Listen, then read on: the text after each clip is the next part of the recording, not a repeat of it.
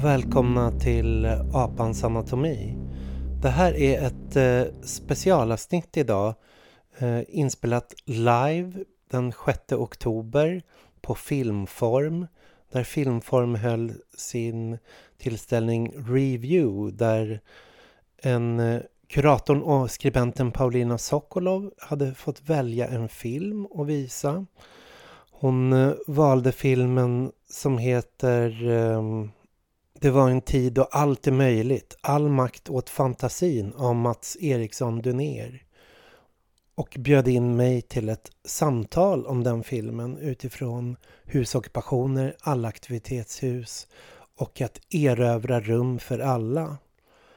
Med i diskussionen så var också Mats Eriksson Dunér som har gjort filmen och eh, Gunilla Lundahl som var med i Arkivsamtal och Aktionssamtal som var en av initiativtagarna till att Allaktivitetshuset kom igång och var med och drog igång allt det som blev Alternativ stad och byalagsrörelsen.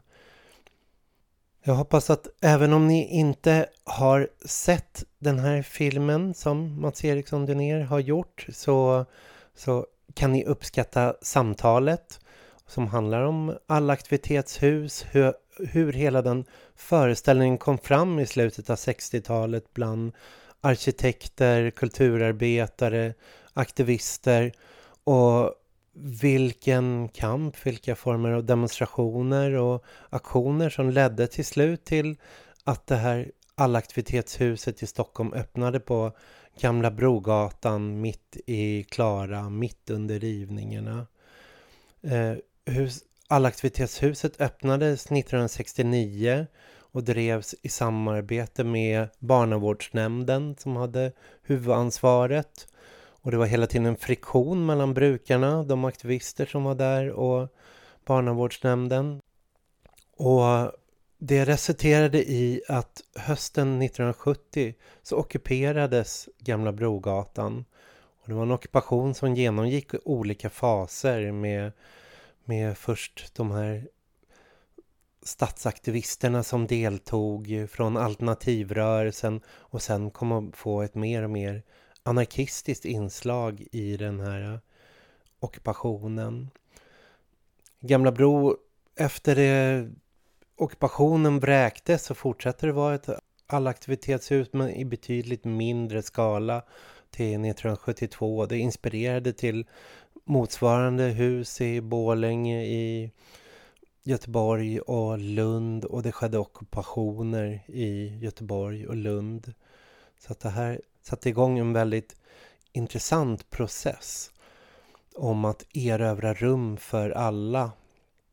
Till våren kommer eh, Mats Erikssons Dunér bok om Gamla Brogatan på 700 sidor att släppas på bokförlaget OEI, poesitidskriften OEI som ger ut den då. Och det finns redan en bok, en tjock bok om träd, gräs och stenar vi har pratat om tidigare i podden som, som Mats har varit med och skrivit. Träd, gräs och stenar var ju lite husbandet för Gamla Bro aktionen och ockupationen där. Vi kommer börja med att jag ställer lite frågor om filmen till Mats Eriksson Dunér och sen följer Paulina Sokolovs modererade samtal.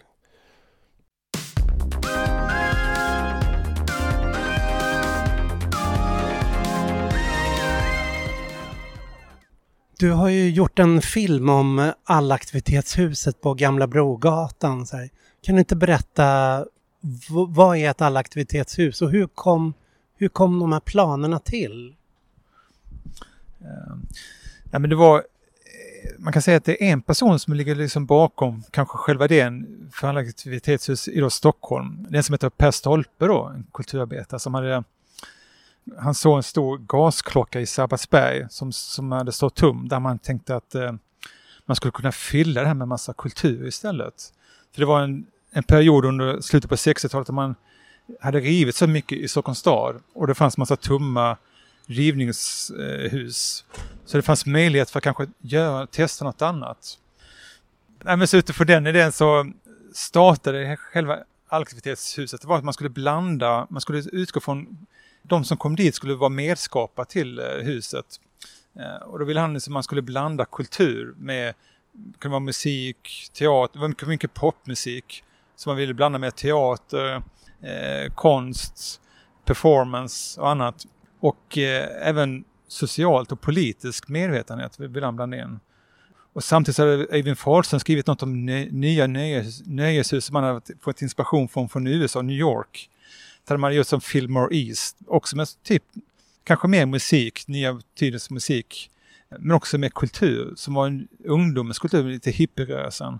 Och hade skrivit i tidskriften Form vad det skulle innehålla med helt utopiska saker med barhus och politik och sit-ins och love-in och massa sånt där. Och då det vi, eh, för att göra en lång historia kort så startade han en sån arbetsgrupp för att, liksom att eh, sätta igång en sån här opinionsbildning för allaktivitetshus. Och då fick han med sig en massa kulturarbetare som Thomas Tidholm, eh, Bo Anders Persson från Therese Stena, de som var med i Pistolteatern, arkitekter, eh, kulturarbetare som gick ihop och gjorde skrivelser och opinionsmöten. Och sen så sen gick den politiska nämnden i Stockholms stad för att, liksom att försöka få dem att ta något beslut om eh, att göra om det till all, all, all aktivitetshus. Och sen hände inte så mycket. det blev lite sådana här eh, olika aktioner där Per Stolpe fortsatte sen med det var, skulle vara en ungdomsmässa 68 där de gjorde en alternativ ungdomsmässa för att stoppa den här eh, kommersiella eh, ungdomsmässan där de ville ha med den alternativa kulturen skulle synas. Man skulle blanda in alla nya banden och politiska teatern skulle få mer spelrum. Då, det gjorde så att den ungdomsmässan gjorde konkurs och de alternativa mässorna fylldes av ungdomar. Och sen gjorde de en alternativ jul som fortsättning på Konstfack och fem andra ställen. Eh, där man skulle stoppa den kommersiella julen och ha en sån alternativ jul med kultur, också medskapande. Och utifrån den så kräver man nästan all aktivitetshus. Man går till, till stadshuset för att kräva alla, alla aktivitetshus. Och det har varit en, en efter glasellipsen under Sergels torg som hade öppnat för någon sån hantverkets vänner där de också krävde eh, alla aktivitetshus och där Hjalmar Mehr, den, eh, de profilerade politikerna på den tiden, hade liksom lovat bort ett hus på Gamla Brogatan för att testa någon sorts av eh, han ville ha ungdomshus men de krävde alla aktivitetshus eh, där man skulle vara över åldrarna. Och då hade man fått det på band då. Tidningarna skrev om det. Och det ska öppna nytt alternativhus då på Gamla Brogatan. Och sen satt det i rullning så att ett år senare då, 69 så öppnade Gamla Bro då som en sån eh, stöd av, eh, stöd av eh, Stockholms stad som ett allaktivitetshus där de Per Stolpe och eh, massa andra aktivister är med i den här projektgruppen för eh, hur det skulle se ut. Och sen så drivs det från hösten 69 till 72. Och min film handlar väl lite om upptakten till eh, öppnandet och vad som hände medan det var öppet. För då, när jag undersökte så hörde jag att det inte fanns någonting eh, sparat därifrån. Det var ingen som tog bilder, det var ingen som... Det var jättelite information. Eh, så mitt var väl alltså att höra olika eh, perspektiv från aktivisterna till någon sån här, um, det fanns en sån behandlingsgrupp för det kom dit många hemlösa eller uteliggare, män ofta, som inte hade någonstans, att vara. Så de kom dit där. Och då öppnade de något, något, någonting som heter sån eh, Alltinget, en sån slags extremitetslokal för eh, hem, hemlösa då som låg på Norra Bantorget till, så ganska nära Gamla Brogatan. Och sen så kom massa unga hippies dit. alltså ville få olika perspektiv så alla skulle komma till tals. Och kanske ett år efter öppnandet så ockuperades dessutom allaktivitetshuset. Eh, där aktivisterna kände sig man, man, man, manövrerade av eh, politiska nämnden, att inte de fick igenom de drev, huset drevs inte som de tyckte att, att det skulle vara. Och då ville de testa och visa hur man kunde göra det istället. Och efter det så slutade lite min film för det stängde ner sen kort efter. och eh, sen öppnade det ett halvår senare, men då var det öppet ett år till, men då var det begränsad öppning. Det var inte hela huset som var öppet då. Det såg lite annorlunda ut, aktivisterna var borta. Det var mer unga hippies. Det blev lite mer ungdomsroll kanske. Mm. Så mitt fokus var väl lite mer på den politiska smältdegen då, vad de, vad de ville åstadkomma. Där ockupationen blev som en sån här, kanske också spred sig efteråt då, för det, det kom ju intresserade från Lund som sen, som också ockuperade hus i, i Lund som hade, för det fick som medial spridning. Så Per Stolpes idéer spred sig ner till Lund så de, när de ockuperade hus i Lund så sa de att de ville göra det som alla aktivitetshus. Och Hagahuset i Göteborg startade efter Aveny 18 som alla aktivitetshus och det kom något i Borlänge och Oslo blev öppnade något hus. och i Köpenhamn fanns det något som hette Huset som också var inspirerat av idén som sen eh, ockuperade Christiania. Så det fanns, det spreds jättesnabbt och sen så några år senare så eh, hade det liksom imploderat lite kan man säga. Mm. Det som hade testats och fått mycket, ja, det hade sett på problem. Du gjorde ju också en eh, bok tillsammans med andra om träd, gräs och stenar och International Harvester. Hur hänger de här äh, liksom, boken och filmen ihop? Ja, precis, en av de här viktiga som intervjuade det, är ju, det var ju Thomas Meergatz. Som var, han var ju med från början på Gamla Bro. Eh, hans bandkollega Bo Anders Persson hade varit med i arbetsgruppen för eh, Gasklockan. Och de hade spelat på Pistolteatern som var med överallt och varit med på den här demonstrationen mot glaselipsen för att öppna alla aktivitetshus 68. Så de, han var med på alla ockupationer, gick Vietnamdemonstrationer så att han var väldigt så aktiv att han skulle igångsätta aktion och få med ungdomarna på att göra ett musikrum. Så han målade ett rum och ställde i ordning att de skulle liksom bli medskapare. Man skulle liksom, alla ska vara på samma nivå på något sätt. Ehm, och sen så, hans band spelade väldigt ofta.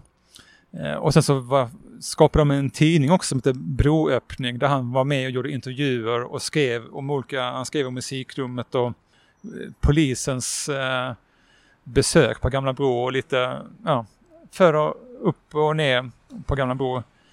Och sen var han med jättemycket på ockupationen då, där de gjorde en sån här egen eh, ockupationstidning också. Så eh, det är väl lite därifrån som sen som jag kom in på terrorsystemet, för de jobba också lite sådär. Det fanns en hus som startade efter ockupationen som hette Fröet. Som var en restaurang på Jakobsgatan. Stockholms stad köpte in massa hus som var renoveringsfärdiga som skulle rivas egentligen för det nya sånt. Då, och där kom de här gamla Bro i de här eh, renoveringshusen och ett hus där på Jakobsgatan stod, stod tomt och då fick den här eh, äh, Gärdesfestgruppen, där Thomas eh, Meergatz de var med, de fick den eh, innan eh, själva Gärdesfesten för att, som mötesplats. Och då tyckte kvinnorna i den här gruppen då, eh, ja men då kan vi ha, har vi lokal kan vi ha en restaurang. Och då fick de pengar från eh, Barnavårdsnämnden att driva en restaurang. Så de, det blev som en fortsättning på en gamla bok kan, kan man säga. Eh, och Thomas Mergatz var ju med eh, och Therese Stena på alla de här sakerna. Så jag ville väl samla deras medskapande eh, tankar på något sätt med musik. De hade sån konsert som skulle publiken var lika med, medskapande till musiken som bandet uppe på scen. Och eh, alla skulle delta på något sätt. Det var, eh, man kunde bygga scener och alla var välkomna. Så det var, sån, det var inte bara band och sen publik utan det var som alla var på samma nivå, var tanken. Och det var lite samma tanke som alla aktivitetsidén. Den här, där de kanske testade under längre tid på sina premisser.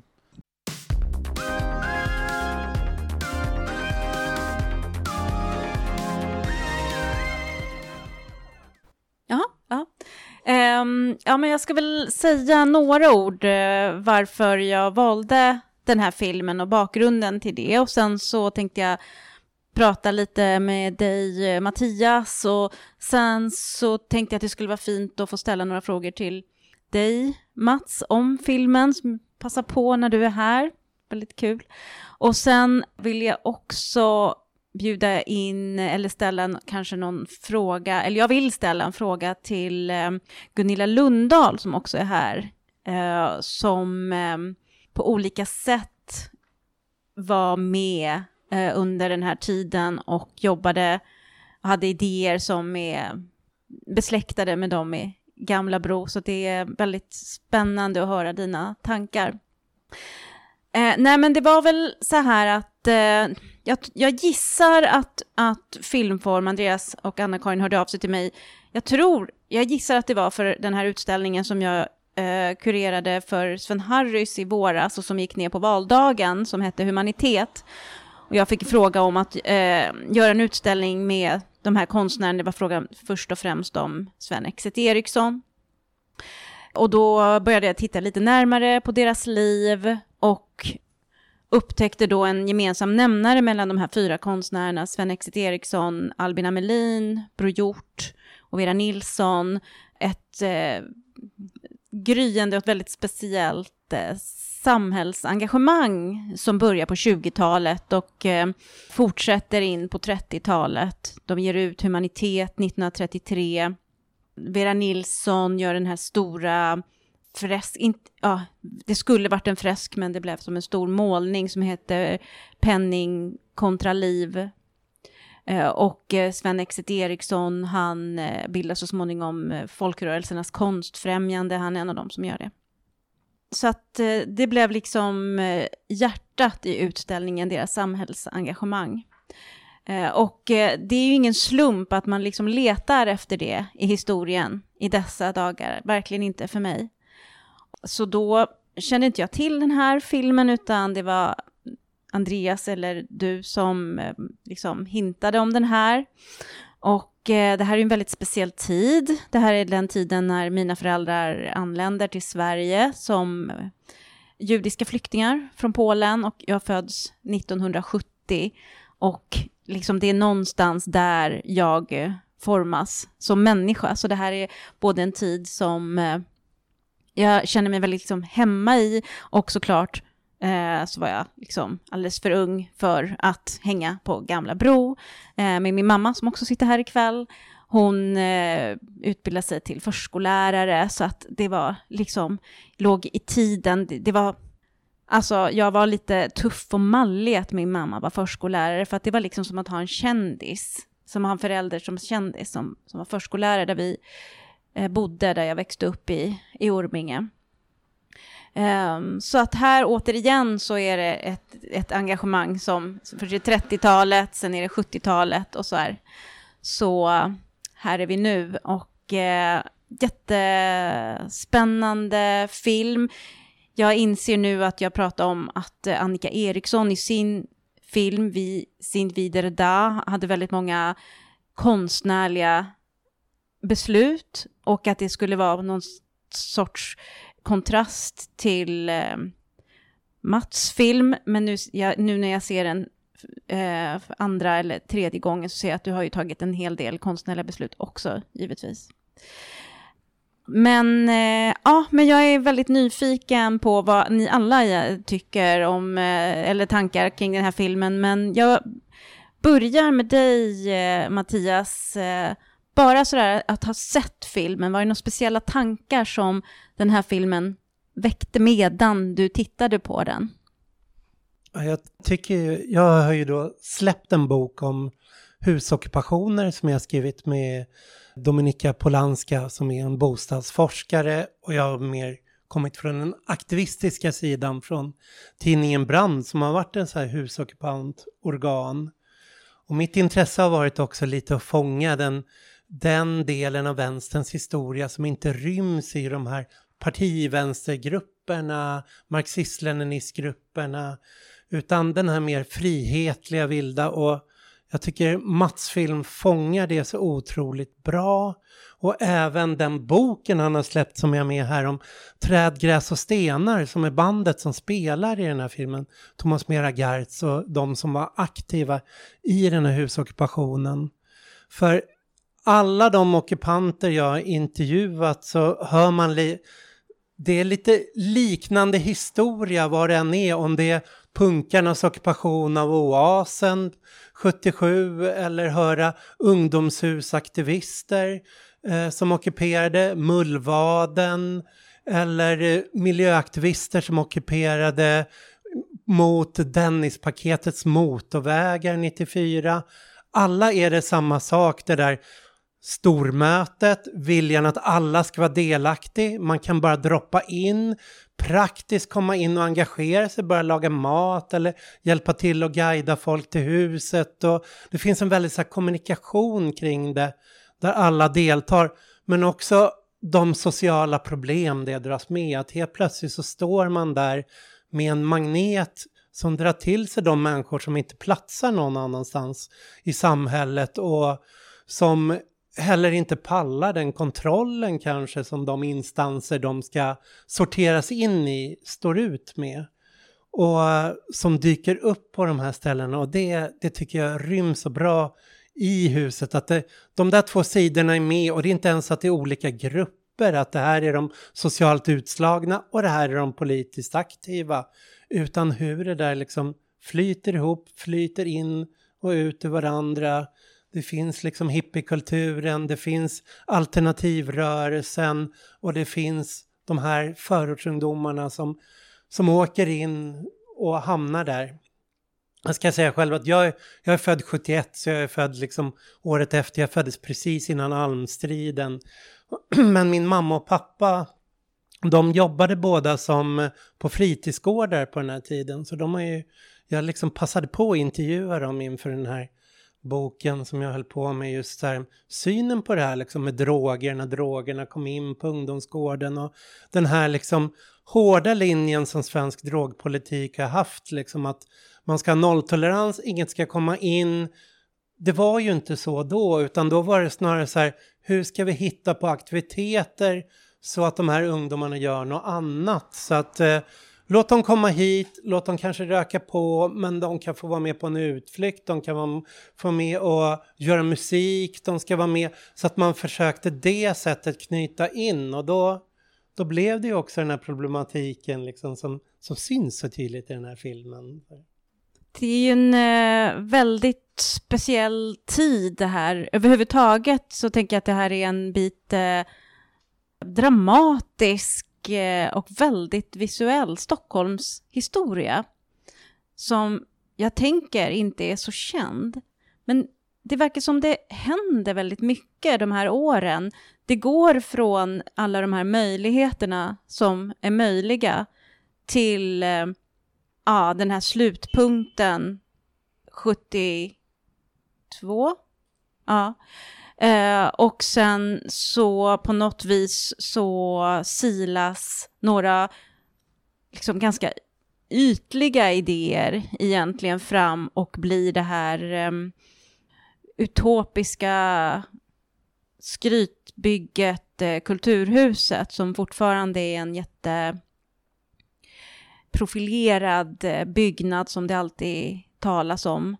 Det blir liksom en, ja, det blir, jag ska inte säga att det är resultatet, men i alla fall det leder fram till Kulturhuset. Och jag vet att du Mattias har ju också varit eh, väldigt eh, intresserad och upptagen av de här åren. Är det något, vad, är, vad händer? Vad, vad händer mellan liksom 68 och 72? Är det liksom en stor förändring? Ja, och det spännande är att man, när man pratar om de här åren så pratar man ju mycket om 1968 som det magiska året. Paris 68, kårhusockupationen 68. Och det fanns ju år innan 68 då det hände saker och det fanns åren efter och det här är liksom tycker jag är lite spännande för det är olika vänstertendenser som kommer fram och det är olika saker som sker i samhället också att i Stockholm innan 68 så fanns det jag intervjuade alla aktivitetshusaktivister i Lund till exempel. De kom inte ur den här miljön som, eh, eh som Mats har intervjuat här till, eh, till Gamla Bro. Det var inte arkitekter och konststudenter utan där var det mer vänsterstudenter som hängde på kaféer i Lund men som var inspirerade av det som skedde i Europa. Att vi hade en ockupantvåg. De kallades för slumstormare i, i Danmark. i Köpenhamn som tog och ockuperade de tomma husen som fanns inne i stan. Vi hade Amsterdam, en stor våg som sen kom att kallas för crackers som var också husockupanter. Det började ske saker i Berlin, Hamburg, men Frankfurt framför allt skedde det mycket. Och de i Lund var inspirerade av det här. De hade hämtat hem tidningar, inspiration därifrån och ville vara en del av den här internationella rörelsen. Så när de ockuperade. Och det fanns en holländsk rörelse som hette Provo-rörelsen som gjorde mycket. De bröt upp alla cykellås i stan och sen så målade alla cyklar vita så att cyklarna blev allmänningar. Så tog de och målade vita dörrar på alla tomma hus så att vem som helst kunde gå in och ockupera dem så de hade sådana vita planer. Och det kom också hit den här Provorörelsen blev Provi-rörelsen för livet och var också en så här väldigt frihetlig, lekfull rörelse. Sen med 68, FNL-rörelsen, KFML och det som blev KPMLR och SKP så kom en mer maoistisk, eh, vi fick en progrörelse med Hoola Bandoola Band, att det, det var på ett sätt, många sätt en mer kanske lite hierarkisk rörelse. Den här anarkistiska ådran försvann de här åren. För att här liksom på 70-talets början igen med allaktivitetshusen, med Gamla Bro, med Almstriden som var 71 och med FNs miljökonferens 72 så kom den där tillbaka liksom. Och kanske såg annorlunda ut än 68. Den kanske var, den var större, den var alternativ, den byggde mycket mer på deltagande. Eh, det var, miljörörelsen kom ur det här, liksom. Eh, delar av kvinnorörelsen fanns i det här. Och jag har skildrat i några poddar nu i och med att det var det är nu 50 år sedan världsmiljökonferensen var 1972 om just de här konflikterna som var då med så här, de band som Trädgräs och Stenar och alla de då som fixade en alternativfestival ute på Skarpnäcksfältet, Hog Farm och de grupper som mer var marxist-leninistiska som fixade en motkonferens mot eh, världsmiljökonferensen och konflikterna som var däremellan. Och också droger som sågs då att det, drogerna var problemet på Skarpnäcksfältet. Det var arbetarungdomar som åkte dit och träffade amerikanska hippisar från Woodstockfestivalen som hade varit skyddsstyrkan där. Så det fanns, det här var liksom, man kan säga att det var två vänstrar, två olika alternativrörelser, två proggscener liksom. Att Trädgräs och stenar var något helt annat än Hoola Bandoola var liksom. Men eh, så man kan säga att det sker ett skifte från eh, mer eh, decentraliserat och, och icke-hierarkiskt till, till någonting annat de åren, 68 till ja, början av 70-talet. Ja, just de åren så blir, är ju de här liksom marxist-leninistiska grupperna på sin topp. Och sen tar det liksom några år innan de här vad man ska säga, mer frihetliga andan återkommer.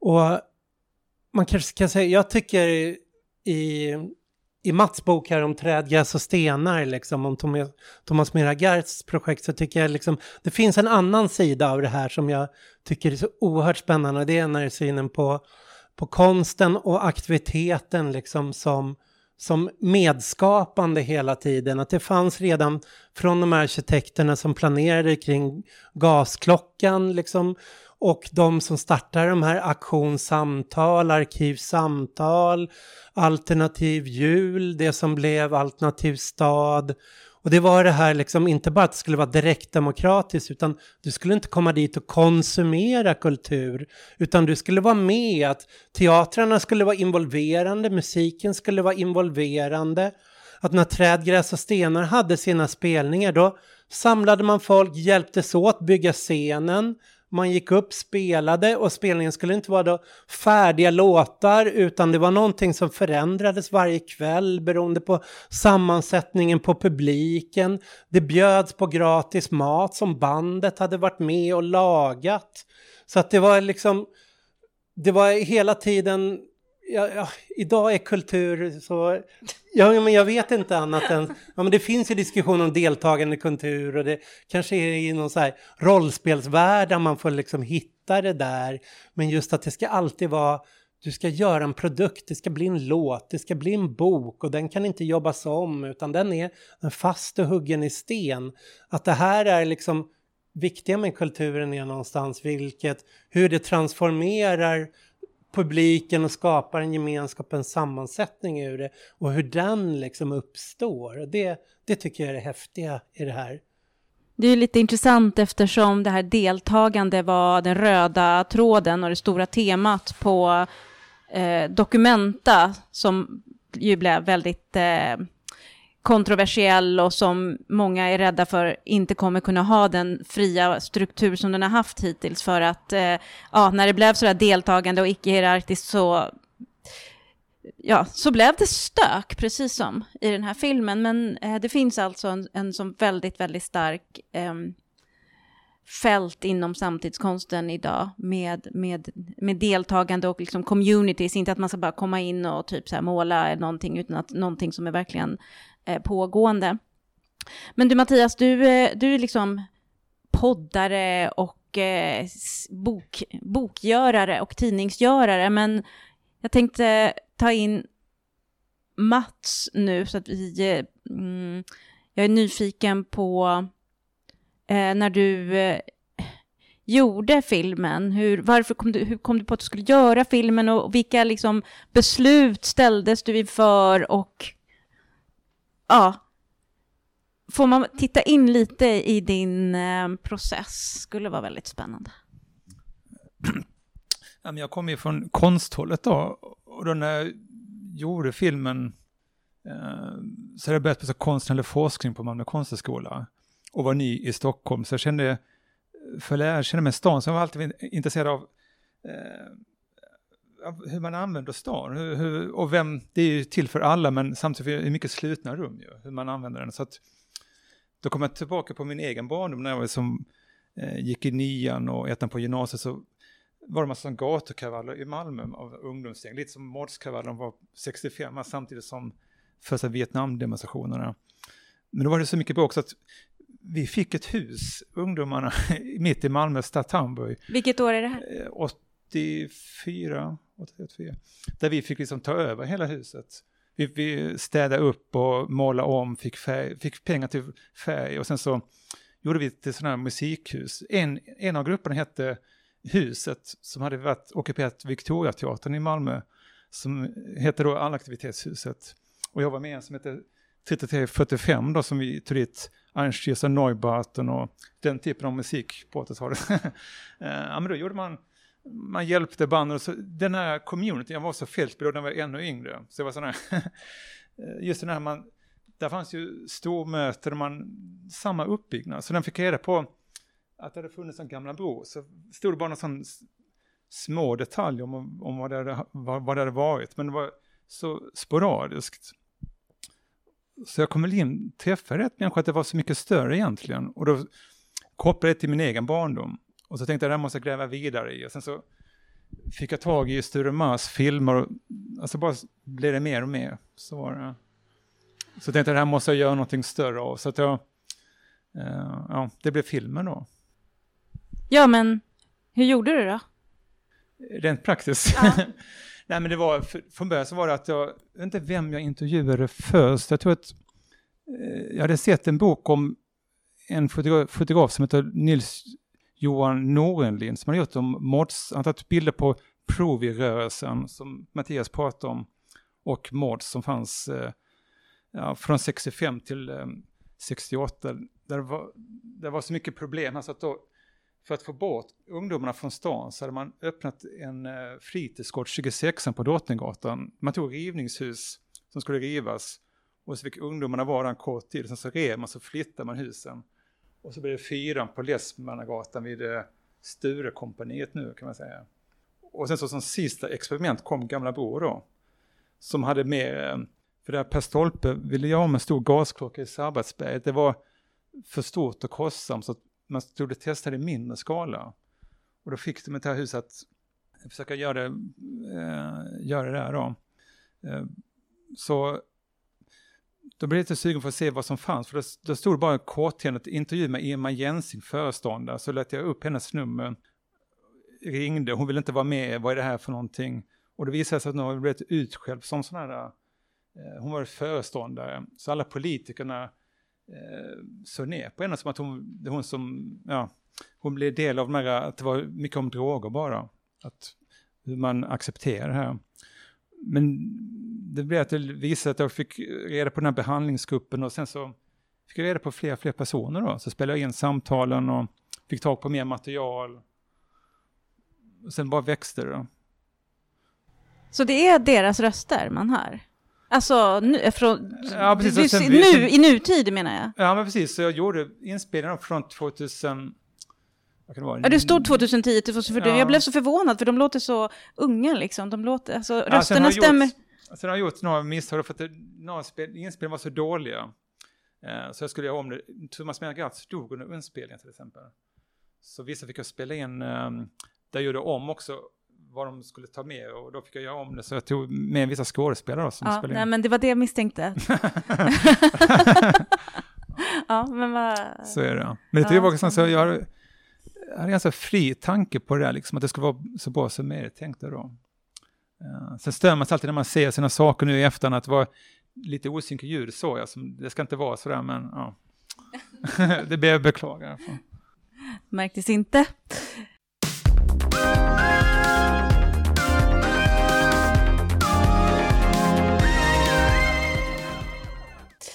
Ja, nej, men jag tror att jag ska ställa min fråga till eh, Gunilla Lundahl nu. Vad var det som fick dig att vara en del av eh, eh, den här aktiviteten som var under de här åren. Du kan ju också berätta lite bakgrund till vem du är för till de som inte eh, vet det och också för poddens skull.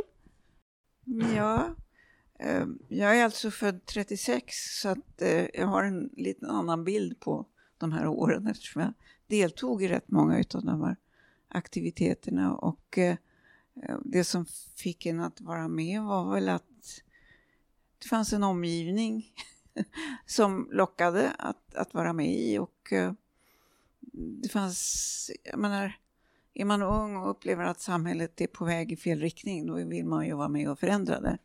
Och det var ju också en period när det kändes att ja, men det är fullt möjligt. Eh, det är liksom ingenting som står i vägen. Och, och de här politikerna som vi nu ser lite löjliga i den här filmen, de var ju faktiskt några som man också försökte få dialog med och då tyckte att det var ganska roligt att möta dem och besegra dem.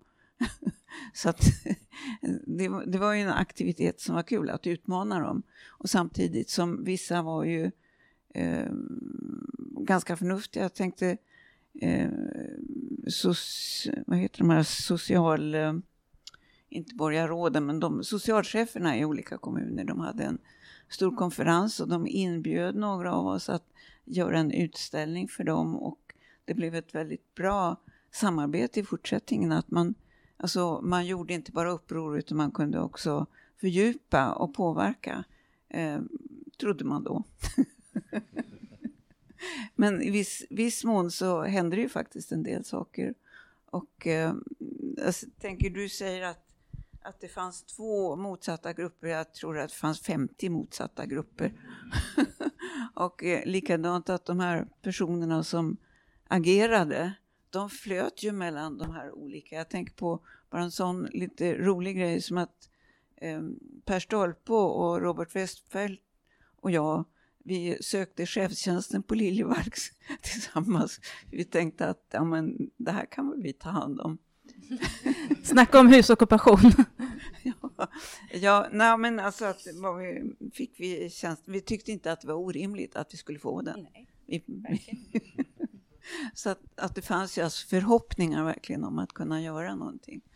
Och eh, jag tillsammans med en dansk eh, konstnär, Palle Nielsen, gick ju till eh, Pontus Hultén och sa att ja, men nu vill vi göra en aktivitet här.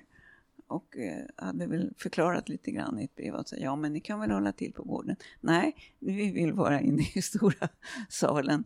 Och faktiskt det ordnade sig eh, på några veckor. Vilket liksom är, ja men när, det gick att göra saker och det, det var ju faktiskt väldigt uppmuntrande. Och eh, även om museet inte riktigt var med på noterna så hade vi i alla fall erövrat rummet. Och det var ju lite likadant med Ararat-utställningen 76 på, det var ju också på Moderna Museet och eh, eh, vi erövrade ett rum. Och en, men men eh, chefen för Moderna Museet var nästan aldrig där.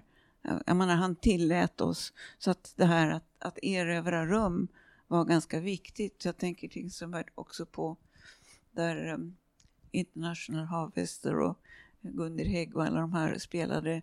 Det var ju Stockholmsterrassen som var liksom mittemellan. Eh, det var Kulturhuset som ägde det medan eh, innehållet eh, fylldes av aktivister. Och den, alltså irritationen över aktivisterna var ju ständigt det här argumentet, det finns knark. Och jag kommer ihåg hur vi skojade om när vi skulle eh, hade en, en, en, aktion för glasburken under, eh, under Sergels torg eh, så mm, tyckte vi att den glasburken kunde användas som alla aktivitetshus istället för att eh, ställa ut i och för sig vackert silver, men ändå. Då skojade vi om att ja, men där bakom, ser ni där de där luckorna? Där står liksom poliserna och, och kikar på oss för att se om vi använder knark. men vi hade med oss kaffe och pepparkakor. Så att alltså det fanns ju den här att både vara vänlig, att vara skarp och att vara rolig som, som viktiga. Men det som ni gjorde på Moderna Museet, det var då modellen. Mm. Eh, ett rum eh, fullt med skumgummi och kuddar och din tanke var att, eller er gemensamma tanke var att skapa ett, ett eh, rum där barn kunde röra sig fritt. Man kan säga så här, den hette modellen, en modell för ett kvalitativt samhälle. Och idén om ett kvalitativt samhälle hade vi hämtat från André Gors, som var en fransk filosof som skrev eh, eh, skrev en spännande bok om eh, arbetarklassen i överflödets samhälle. Och eh, det vi pratade om var ju att eh, det här överflödssamhället då på, som hade kommit på 60-talet, det var ju eh, skapat utav en likgiltighet inför det väsentliga innehållet i livet. Arbetarrörelsen ägnade sig åt löneförhöjningar och bättre arbetsvillkor. Vi ansåg att de borde ägna sig åt eh, innehållet i arbetet och innehållet i livet. Att livet var inte till för arbete, men man kunde arbeta för livet. Så därför hette den alltså en modell för ett kvalitativt samhälle. Och idén om hur det, den modellen skulle skapas, det var att de enda som är oförstörda och kan lära oss någonting om det levande, lekande samhället, det var barnen. Alltså skapade vi en plats för barnen där alltså de äldre inte fick komma och lägga sig i och skapa sånt kaos som exempel det uppstår när man gör saker på gamla Brås. Så att, ja, det var idén. Hade du sett den här filmen förut? Jag hade sett bitar av den alltså, innan, innan den var färdigredigerad, men det var fantastiskt att se den nu. Mm. men, men hur, hur fick du... du några tankar när du såg den? Eh, ja, alltså vad jag alltid reagerar när jag ser sån här, ja men herregud, fanns det verkligen inga flickor med i det här? Så att alltså, det uppstår ju en feministisk rörelse under den här tiden också. Och eh, för kvinnorna var det ju alltid alltså, eh, syns aldrig efteråt, räknas inte, liksom finns överhuvudtaget inte som aktörer. Och samtidigt så tror jag att det var väldigt, ingenting av det här var möjligt utan alla flickor som hade väldigt mycket drömmar om framtiden. Och som var minst lika skarpa som de här killarna. så den feministiska sidan den var inte så uttalad men det kom ju med Grupp 8 i mitten på 70-talet, 60-talet. Så att, mm. Ja, Mattias. Det är ju... Um väldigt olika landskap. Vi är ju fortfarande i Stockholm idag, det är ju samma plats. Och det som är eh, lite paradoxalt det är ju att eh, Sverige befinner sig på något vis, det pikar någonstans där välfärdssamhället med, med förskola, feminismen, eh, eh, man bygger eh, de här beboeliga husen som det pratas om i filmen. Tensta 69, jag är uppvuxen i Orminge, det kommer 70. Det, det finns en liksom otrolig framåtrörelse. Ändå så väcker det så otroligt mycket trots och irritation och energi hos unga människor som vill som är missnöjda och visar motstånd och som är så otroligt kaxiga mot de eh, styrande. Det är ju väldigt annorlunda mot idag. Alltså, man, du är ju själv eh, eh, aktivist i viss mån. Så där, eh, det är såklart man funderar på vad är det som gör att det inte liknande saker händer idag? Vad är det, vilken, vad är det för annorlunda mix nu enligt dig? Alltså dels så händer lite samma saker idag. Att eh, det intressanta det är att se att de här ockupationerna har ofta gått i vågor. Men de har också följt stadsutvecklingen. Att här, Gamla Brogatan, den här gatan blev ju kvar, den blev ju inte riven. Liksom, vi kan fortfarande se den här porten som, som är i filmen och gå dit och titta på den. Byggnaden är kvar.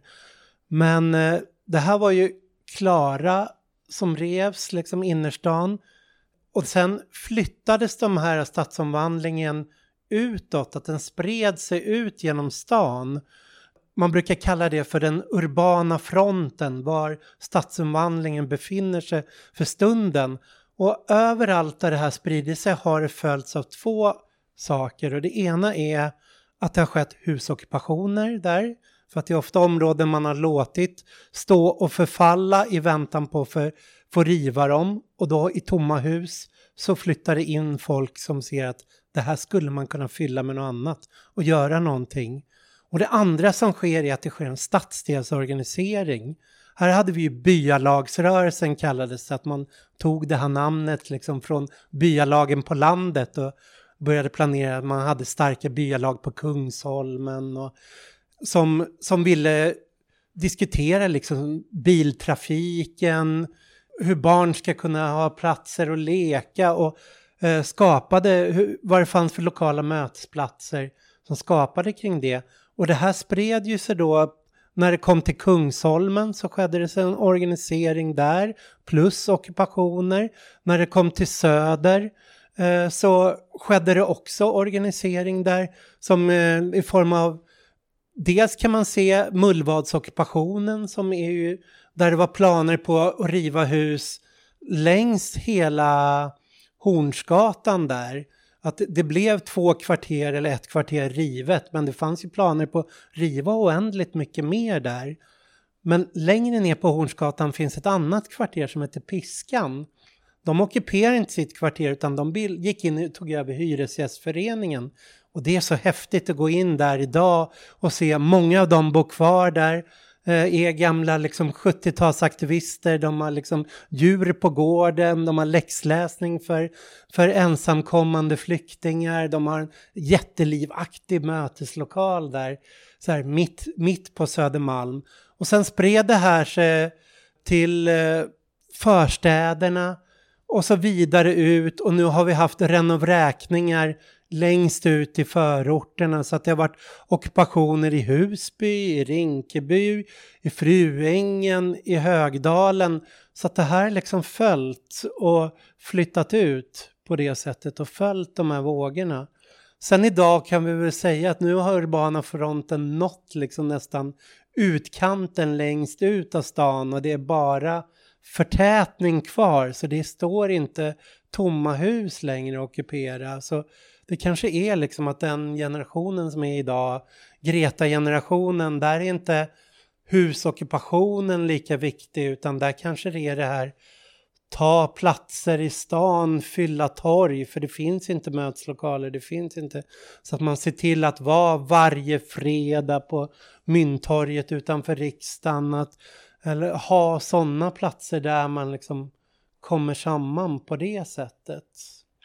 Men om man eh, tittar på då och nu, då var ju liksom politiken, politikerna, det var en, en maktfaktor. Alltså om man tittar på Stockholm, det känns inte som politiken är en maktfaktor lika mycket som, vad ska man säga, fastighetsägare, eh, ja, och eh, ja, företagandet och liksom den kapitalistiska makten. Att det, det är en annan sorts motståndare. Mm.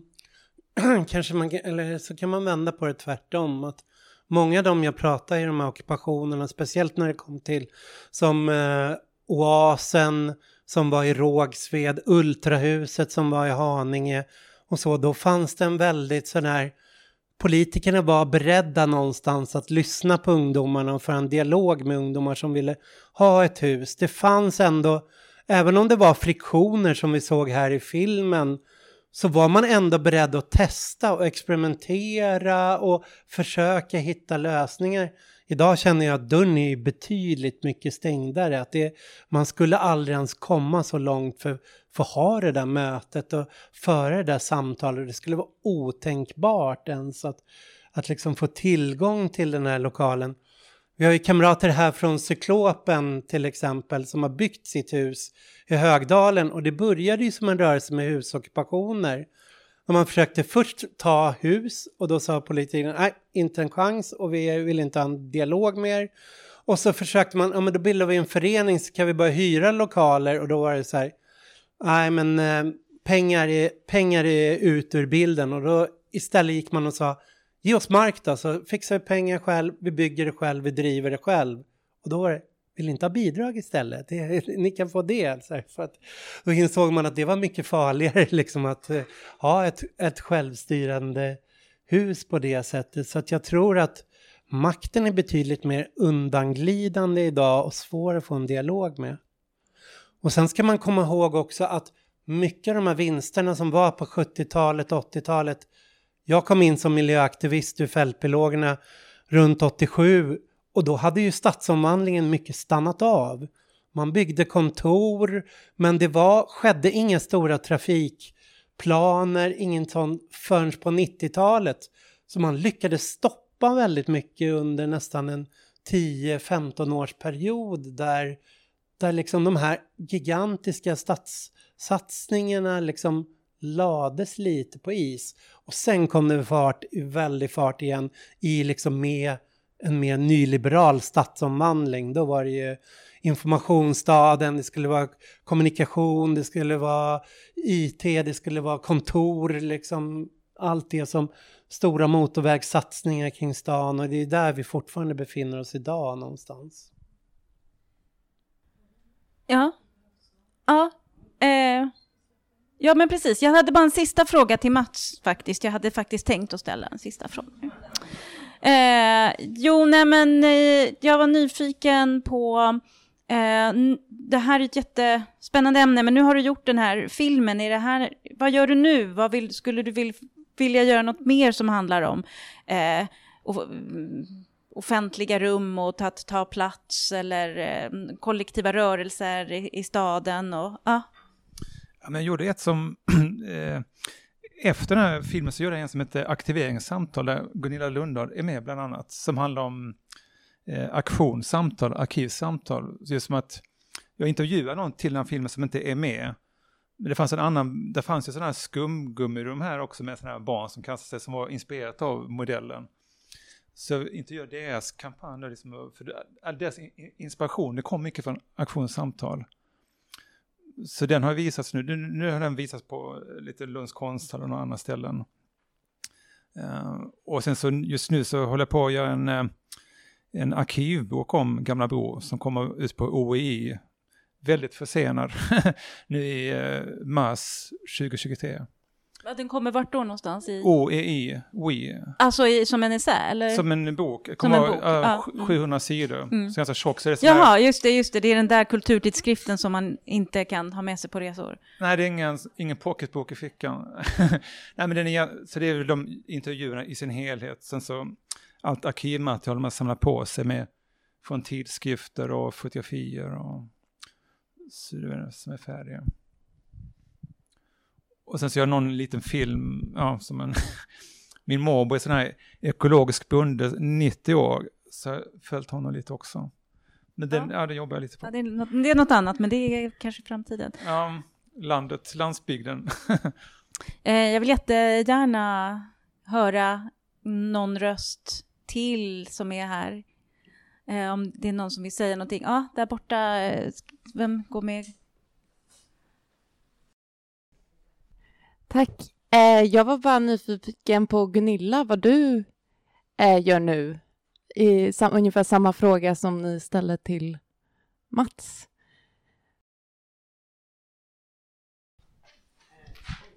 Ganska mycket saker. Eh, Ja, jag väl tror jag just avslutat ett projekt som eh, där jag deltog i, eh, det är en, en person på, en tjej på Konstfack som doktorerar och vill ha mera kollektivitet in i bilden och då har jag varit med och gjort tre tidningar om åldrande och vård och värde kallas den och eh, vi har gjort någon utställning och lite grann sånt. Så att det, det är en typ av aktivitet att ta red, ja, komma i kontakt med andra människor och di diskutera viktiga livsfrågor. Det är väl vad jag har hållit på med. Sen har jag jobbat en del med Konsthall C och deras projekt. Och, eh, eh, under någon period jag tyckte att det här med bröd är så basalt och att eh, man, man odlar mat som vi dör av och att ingen vet liksom hur förskräckligt lurendrejeri det är kring all mjöl och allting. Så jag hade några bakmöten med eh, framförallt från eh, kvinnocentrum ute i, i Tensta där vi bakade tillsammans. Så det här att komma ner på eh, säga, en jordnära nivå är viktigt. Sen sitter vi fanns en, finns en grupp som heter Byggruppen Bo i gemenskap där vi har jobbat för kollektivhusbyggande. Och nu har Arktis satt, sagt att de vill ha eh, våra protokoll och lite annat i arkiv. Så nu sitter vi och samlar ihop vad var det vi höll på med egentligen och vad håller vi på med idag. Så att, ja, lite. Jag har en del att jobba med. Är det någon mer som vill passa på att ställa någon fråga eller säga någon reflektion? Ja, tack. Vad fint det var. Eh, jag, jag har ju t-shirt i Mexiklopen, representerar. men jag ville bara säga att jag tyckte det var väldigt intressant att se så många paralleller med idag, men något som jag tänkte mycket på var Eh, den här, eh, ja, men när de ockuperar huset igen, att det liksom blir levande då, och sen den här explosiviteten som kommer när man liksom gör en ockupation, även om det bara var en väldigt kort livad grej, tänker att det finns så mycket i just det där eh, när någonting ja, är liksom levande och explosivt och vad som gör att någonting blir det. Och jag tänker på oss, så nu är vi snart tio år och eh, det är ju kul att vi finns och sådär, men det går ganska trögt också liksom. Om man tänker hur det var när det byggdes och, och allting och hur man liksom bara tragglar med det här vardagliga och bara får stället att, att stå. Så jag tänker mycket på vad som, ibland tänker jag att det skulle vara bra om vi blev uppsagda och bara liksom så här, vad som skulle hända då, för då skulle alla komma till Cyklopen och försvara det. Och det skulle liksom, för att det, det är ju nästan ovräkbart, det går liksom inte att flytta på huset. Eh, liksom. eh, så jag, jag funderar på det, ibland fantiserar jag på det, jag bara, oj vad kul det skulle vara om det hände, men det skulle också vara jättejobbigt. Men eh, ja, att det ligger någonting också i det här att man eh, tvingas liksom organisera sig och tvingas komma överens och tvingas eh, också ja, ta hand om allt det jobbiga som händer eh, och att man blir många som gör det eh, istället för bara några få som är lite fallet nu. Så jag bara reflekterade lite över det. Men, ja. Eh, mm. Ja, men stort tack att ni kom hit och vad roligt att se den här filmen med er och tack till Filmform, verkligen stort tack. Äsch. Tack till dig, Mattias. eh, Mats Eriksson Denér och Annika Eriksson. Ja. ja.